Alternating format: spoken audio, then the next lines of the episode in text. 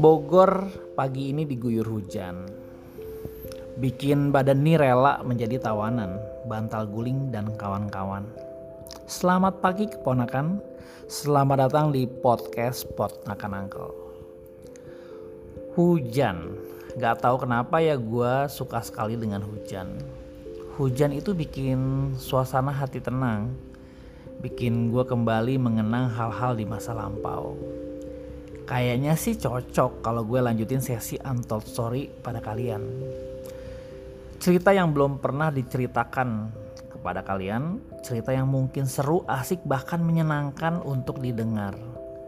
Karena ketika melakukan hal-hal itu, gue nggak pernah mikir panjang, hanya berpikir asal menghasilkan uang. Cisoro Bogor, kawasan puncak yang menjadi tempat tujuan bagi turis luar maupun lokal di sana banyak tempat makan, restoran, kafe jadi satu. Di tahun itu masih ramai bisnis semir sepatu. Nah gue salah satu anak yang nawarin tamu-tamu satu persatu.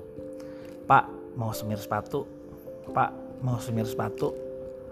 Mungkin dengan melihat muka memelas gue, para tamu rela buka sepatu. Dan gue bawa duduk di satu sudut, mulai gue sikat-sikatin itu sepatu pakai semir merek kiwi. Kadang kalau habis ya gue cuma sikat pakai air aja. Dan asik diganjar pakai uang 100-200 rupiah.